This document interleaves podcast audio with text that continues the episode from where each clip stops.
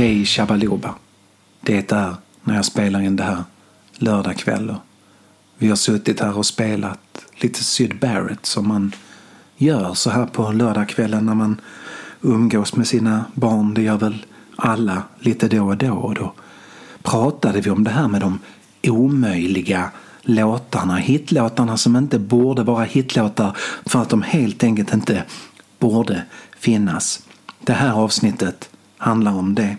Hej Shabaloba säger jag igen för nu följer vi manus. Hej Shabaloba och välkomna till världens bästa poplåt som handlar om poplåtarna som av olika anledningar egentligen är helt omöjliga. Få låtskrivare har varit mer omöjliga än den legendariske Syd Barrett och det här avsnittet handlar om inte bara en utan två av hans omöjliga låtar som dessutom båda två är världens bästa poplåt. Låter det komplicerat? Det låter svårare än det är. Bli Patreon på Patreon och så vidare. Skriv till alla förlag ni känner till att ni vill läsa om världens bästa poplåtar också i bokform. Mailbomba dem. Jag inleder det här avsnittet med en resumé. Det var en gång tre pojkar som spelade gitarr och två av dem var glada och en var sur och hette Roger Waters.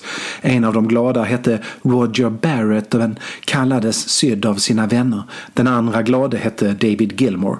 De var tonåringar ihop och David och Syd liftade som 15-åringar omkring i Europa och uppträdde som gatumusikanter och sen hamnade Syd och Roger på arkitektskola i London 1966. Syd var snygg och hade den sortens personlighet som liksom strålade kring honom och hans aura öppnade dörrar och Roger och Syd lyssnade på rockmusik hela nätterna. Syd ville starta rockband så det gör han tillsammans med Roger Waters och två andra arkitektstudenter, Richard Wright och Nick Mason. Och snart heter de Pink Floyd och spelar på avantgardist psykedelia-klubben UFO där de slår publiken med häpnad med ljusshow som de tillverkat av en diabildsprojektor och Barretts karisma och låtar som pågick uppåt två timmar per låt, mestadels improviserat. UFO var klubben man skulle hänga på och det gjorde även Peter Jenner och Andrew King som tänkte att den där Syd och hans kompmusiker ska vi göra skivor med. Pink Floyd var det första band som Jenner upptäckte men man kan säga att han hade öra för det där med talang. Andra artister som han lanserat och gett sina första chanser är Mark Bolan och hans först Tyrannosaurus Rex och sedan T-Rex, Ian Jury och The Clash. Pink Floyd var först och de där dagarna mellan april 1966 och april 1968 som Syd ledde Pink Floyd är legendariska. Dels för att de gjorde enastående musik under dem men också för att alla inblandade utom en hängivet odlat mytbildningen kring de dagarna Jenner och King bad Pink Floyd att försöka sammanfatta några av sina låtar från det svårsålda tvåtimmarsformatet till det mer radiovänliga treminutersformatet. Roger, Richard och Nick trodde det skulle vara omöjligt men bara en vecka senare kom Syd med sju, åtta låtar till bordet. Popmusik som är klockren pop men samtidigt med något farligt och annorlunda i sig. I mars 1967 släppte Pink Floyd Arnold Lane. Syd låter glad och inte alls svår och galen på den och låten blir en mindre hit trots att den handlar om att stjäla damunderkläder eftersom man kanske inte vågar köpa dem själv om man är transvestit i London 1967. Låten blir tillräckligt stor för att Pink Floyd ska få kontrakt med EMI och raskt spelar de in uppföljaren See Emily Play och så påbörjar de arbetet med en första LP. Samtidigt som de gör det här så fortsätter de att spela på klubbar och nu även utomlands i Frankrike och Belgien blir de populära och även i Los Angeles. See Emily Play är total Pink Floyd som Pink Floyd var med Syd när de spelade pop. Det går inte att ta miste på sorgen som finns där under ytan men ändå är den hoppfullt 60-tal och musikaliskt så bryter den helt ny mark. Pink Floyd spelade in i Abbey Road studio i en liten studio bredvid den som The Beatles samtidigt spelade in Sgt. Pepper's Lonely Hearts Club Band. The Beatles skiva kom att ändra på allting och den är fantastisk men det går inte att komma ifrån att det Pink Floyd och Syd Barrett gjorde låg före The Beatles i utvecklingen. The Beatles lät sig också charmas av Syd, alla utom John. John var artig och så men han sa att han såg för mycket av sig själv i Barrett.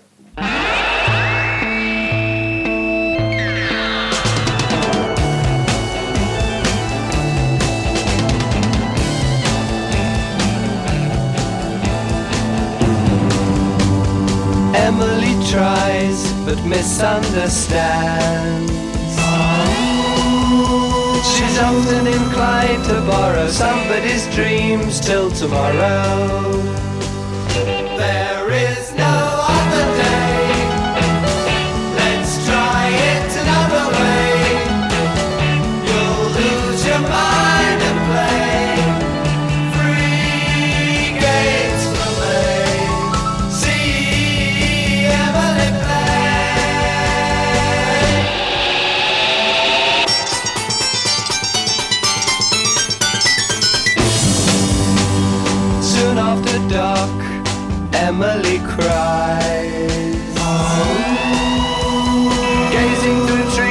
Sorrow, hardly a sound till tomorrow.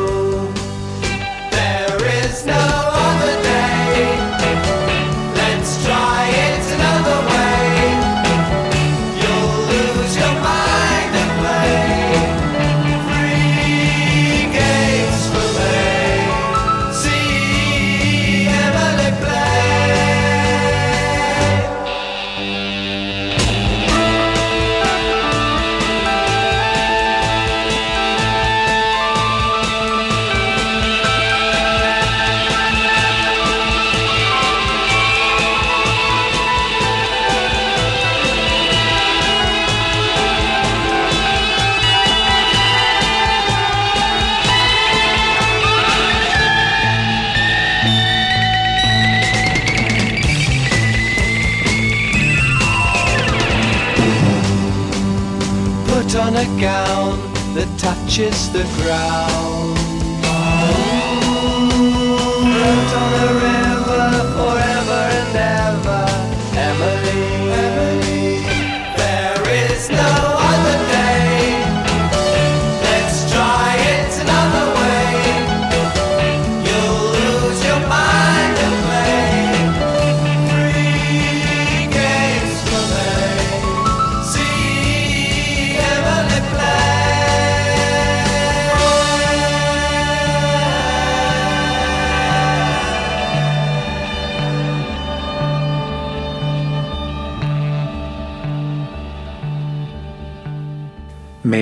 Emily klättrar en bit upp på listorna färdigställer Pink Floyd sin LP The Piper at the Gates of Dawn och den blandar korta, kraftfulla poplåtar med några få längre improvisationer och Syd skrev all musik, i alla fall den som är värd att lyssna på och han hamnade i medias fokus och här sägs det att han blev galen och bröt ihop. Var det knarket? Var det familjens anlag för schizofreni? Var det något annat? Någonstans här upphör människan sydd delvis och myten sydd uppstår i dess ställe. Han blir Pink Floyds galna diamant. Han sträckte sig efter hemligheten för snabbt. Han ropade mot månen. Han spelade bara ett ackord en hel konsert. En gång stirrade han bara in i kameran på ett tv-framträdande. Hans låtar blev bizarra och mörka och hemska och så en dag i april 1968 struntade helt enkelt Pink Floyd att hämta upp Sydin från en konsert. De hade redan tagit in David Gilmore för att täcka upp eftersom Syd var oförutsägbar. Pink Floyd fortsätter och går och blir det största bandet på jorden ett tag men hela tiden står de på Syds axlar. De släpper inte honom heller. Han blir som deras maskot. De pratar ständigt om honom, om Syds tragedi. Och det är en bra berättelse. En ung och vacker man som vinner världen men blir galen och förlorar allt på slutet. Pink Floyds mest populära skivor är skivor som handlar om Syd. The Dark Side of the Moon, självklart om galenskapen Wish You Were Here, uttryckligen om Syd som The Crazy Diamond och The Wall. Långa konceptskivor som bearbetar och analyserar vad som egentligen hände med Syd och hur kunde det gå som det gick. Syd själv sa ingenting. Han drog sig undan och svarade inte på frågor hans tystnad bidrog såklart till legenden. Enligt legenden blev berömmelsen för mycket för honom. Men den legenden kan inte stämma helt för så jävla berömda var inte Pink Floyd. Inte på Syds tid. De var underground och deras största hit nådde inte högre än åttonde plats på någon topplista någonstans. Men sånt bryr sig inte myter om i och för sig. Men Syd var inte en renodlat mytologisk varelse utan en faktisk människa och han gick inte direkt från Pink Floyd in i glömskan och evigheten. 1970 spelade han in två LP-skivor i eget namn, inte så mycket för att han ville det men för att skivbolaget och General King ville det och så behövde han pengar. Det går inte att försörja sig enbart på att vara snygg, psyksjuk och knarkare liksom, inte ens i London 1970. De där två soloskivorna är outhärdligt vackra. De liknar inga andra skivor. Den första av dem, The Madcap Loves, är den mest plågsamma för det är tydligt i varenda ton att Syd faktiskt inte vill spela in skivan. Han sa det också i den enda intervju han gav angående den. Den här skivan är inte jag. Jag vet inte vad som är jag, men när jag dör är det ingen som kommer minnas den här skivan som mig. Madcap tog ett år att spela in eftersom Syd åkte in och ut på psykiatrisk slutenvård hela tiden.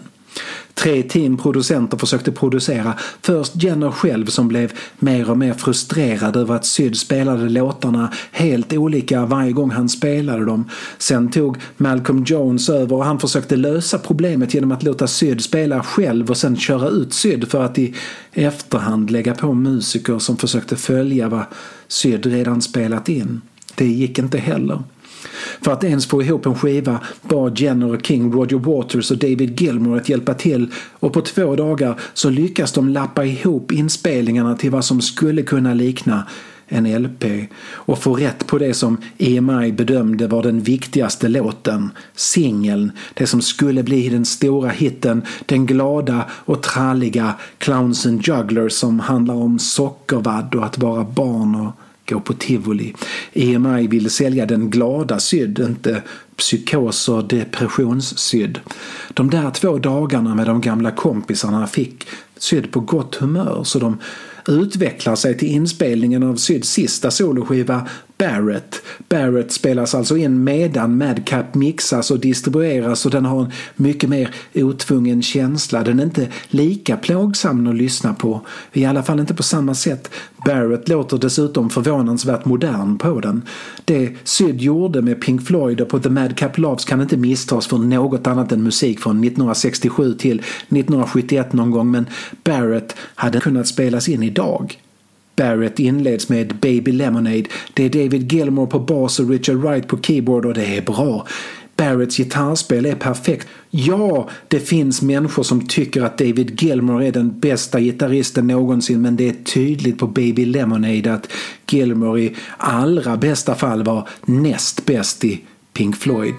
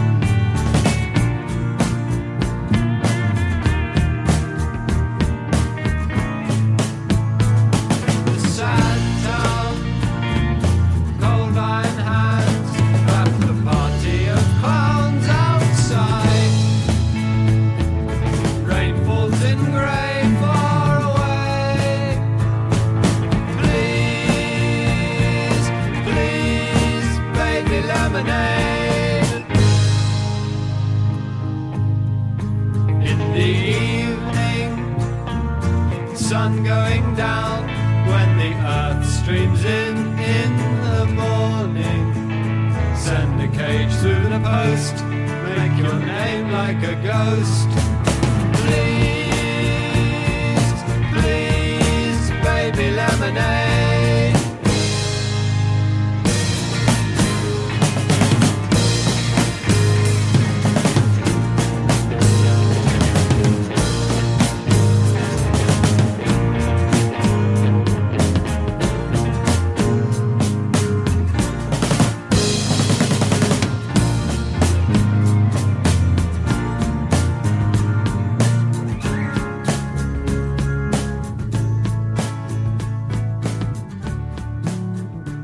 Men nu spolar vi tillbaks bandet till den 13 juni 1969 och det är den sista dagen för att spela in The Madcap Loves.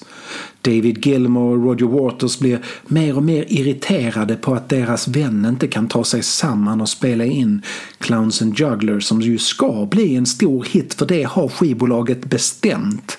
David skriker att fattar du inte att din karriär handlar om den här låten, det här avgör allt Syd och låten är fantastisk men vi måste få ner den på band. Men Syd kan inte, han skakar, har slutat med medicinen för den gör honom för dåsig för att spela in och han måste vara fokuserad men samtidigt så håller medicinen honom på banan. Inga droger heller, ingen självmedicinering men hans kropp vill inte vad han vill. Fingrarna tar andra ackord än vad han vill att fingrarna ska ta. Det blir sent. Någon annan ska in i studion imorgon och Roger Waters orkar inte för han ska in i en annan studio och han måste sova för han har en låt till Pink Floyds nya skiva att spela in själv. Several species of small furry animals gathered together in a cave and grooving with a pict nästa dag. Och om man inte är pigg på, på topp och i toppform så kanske inte several species of small furry animals gathered together in a cave and grooving with a pict blir den stora hit som Roger Waters föreställer sig att several species of small furry animals gathered together in a cave and grooving with a pict har potential att bli. David och Syd stannar kvar i studion, pratar, spelar gitarr. När de spelar ihop hittar de tillsammans det där de hade en gång när de reste runt i Europa och spelade gitarr tillsammans och de var 15 och saker var enkla och roliga och det var sommar och det var ungdom och det var franska flickor som inte förstod vad de sa men som förstod att Syd var den vackraste pojke de någonsin sett. Det lossnar. Och så får de till en tagning av Clowns and Jugglers som är tillräckligt bra för att spela upp för EMI. Clowns and Jugglers förvandlas till Octopus av någon anledning och det är en av de mest omöjliga låtar som någonsin gjorts. Den borde inte finnas. Det är Syd och David och inga andra på den. Syd spelar en av de akustiska gitarrerna plus några små gitarrsolon och sjunger och allt annat spelas av Gilmore som också körar. Det är helt obegripligt att Gilmore lyckas få trummorna att fungera för det är inte några enkla takter i några begripliga tempon som Syd spelar. Det finns ingen plan liksom. Det blir bluesigt mot slutet av helt och hållet ingen förklarlig anledning. Det makalösa med låten är tydligt. Det hörs att Syd inte vill spela den. Låten i sig kanske är en glad tivolihistoria, men i framförandet finns all den tragik som Roger Waters gång på gång försökt fånga på månens mörka sida eller på andra konceptskivor. Här finns det. Här finns Syd Barretts tragedi och briljans och förmåga att trolla med orden och ackorden och lekfullhet och nattsvärta blandas. Octopus är världens bästa poplåt. Det är också en låt som inte borde finnas, men det gör den, tack och lov.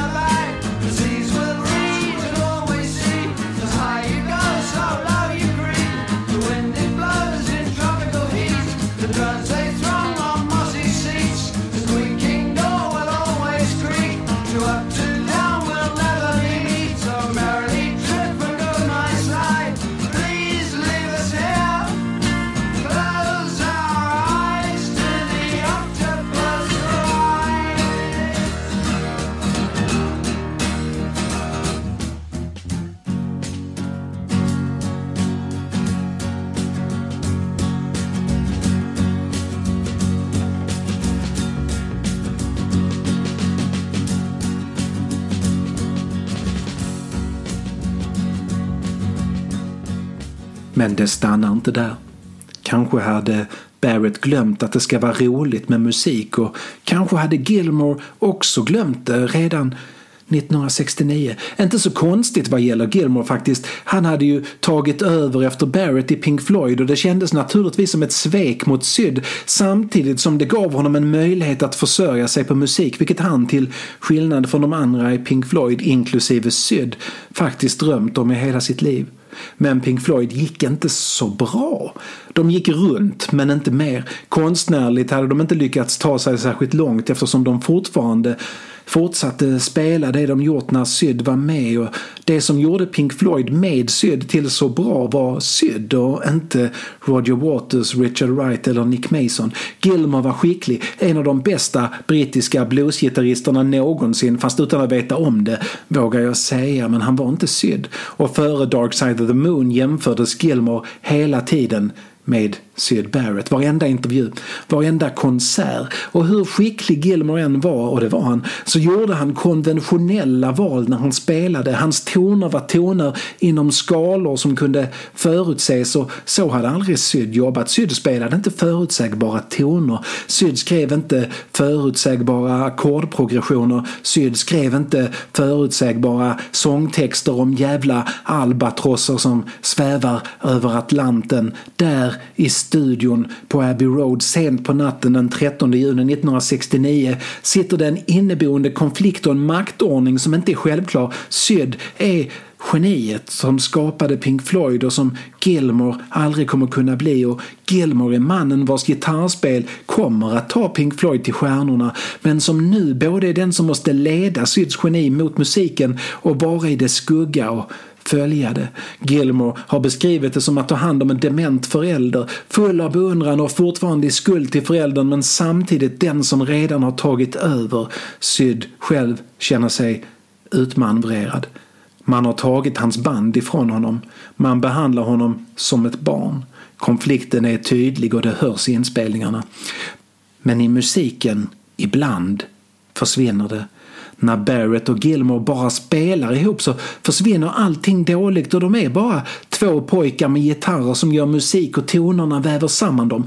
De pratar och sjunger och skrattar och så får de för sig att spela in en låt till en låt som Syd började skriva 1964 eller 1965 efter att ha varit på konsert med Bob Dylan och upplevt Dylan som sällsynt självupptagen och inte särskilt intresserad av att uppträda egentligen.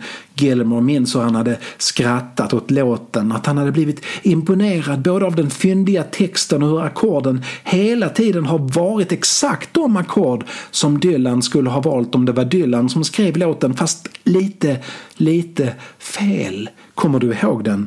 frågar Gilmore och det gjorde Syd nästan. Syd sätter sig och försöker minnas låten om Bob Dylan och David riggar studion för en enkel inspelning. Syd kommer inte ihåg exakt för det var fem år sedan han skrev den, en hel livstid egentligen sedan han skrev den, men han kommer nära, tror han. Bob Dylan Blues är ännu mer magiskt än något annat på de där soloinspelningarna med Barrett för det finns inget annat än kärlek till musiken i den.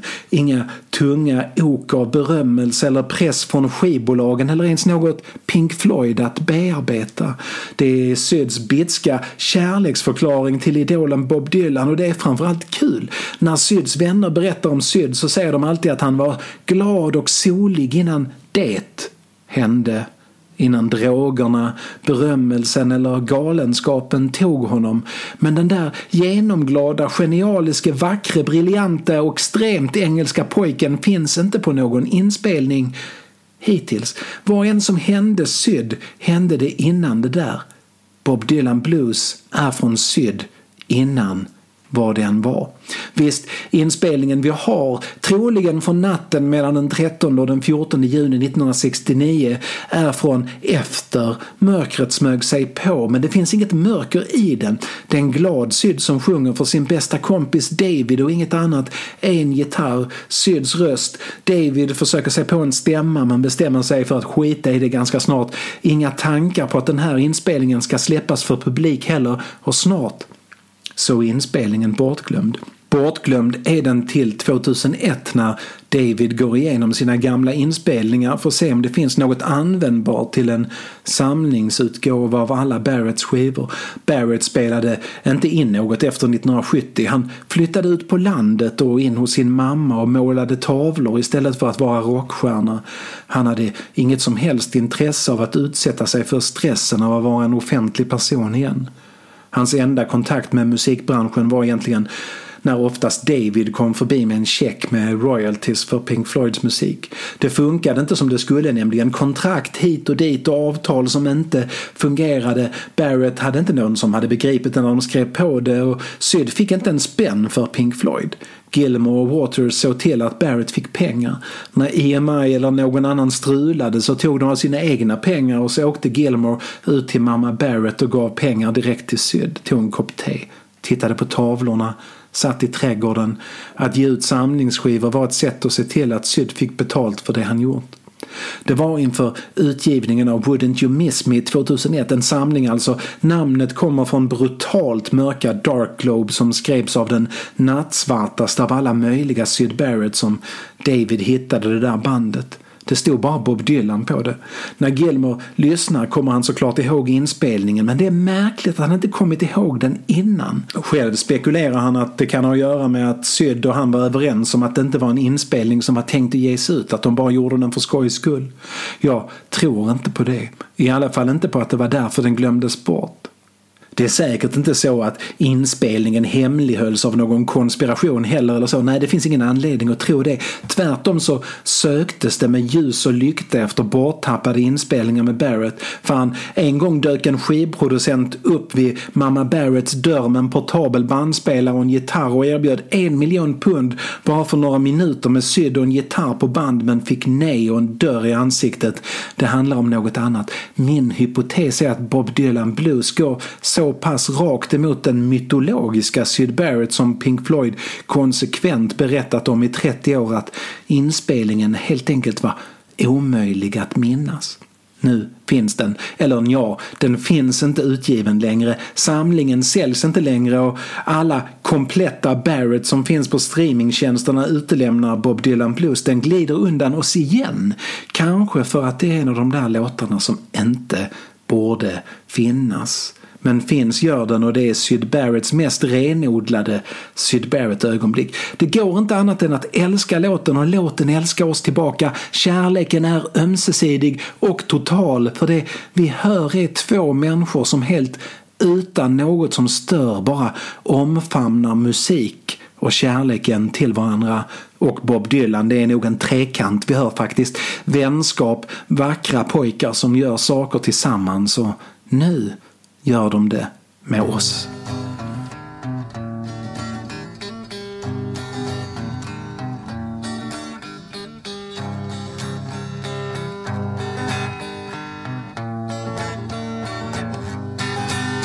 Got the Bob Dylan blues and the Bob Dylan shoes and my clothes and my hair's in a mess.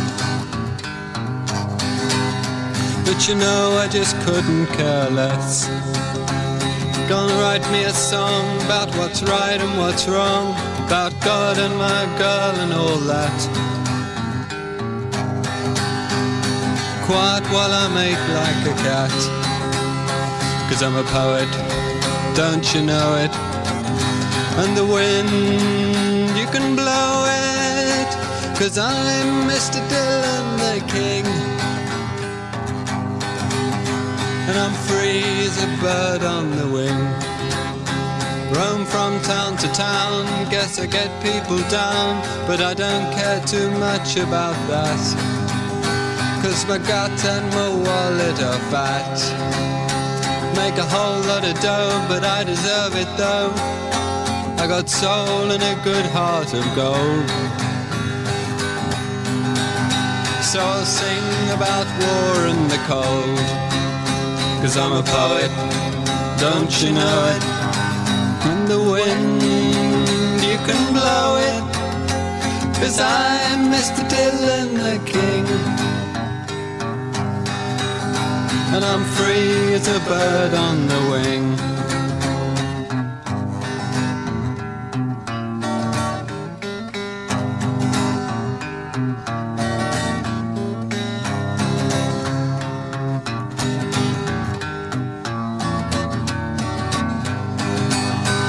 I sings about dreams and I rhymes it with seams Cause it seems that my dream always means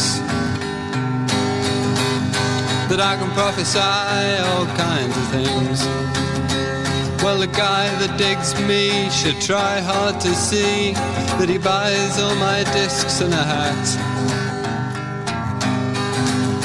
And when I'm in town, go see that. Cause I'm a poet, don't you know it? And the wind, you can blow it. Cause I'm Mr. Dylan the King. And I'm free as a bird on the wing.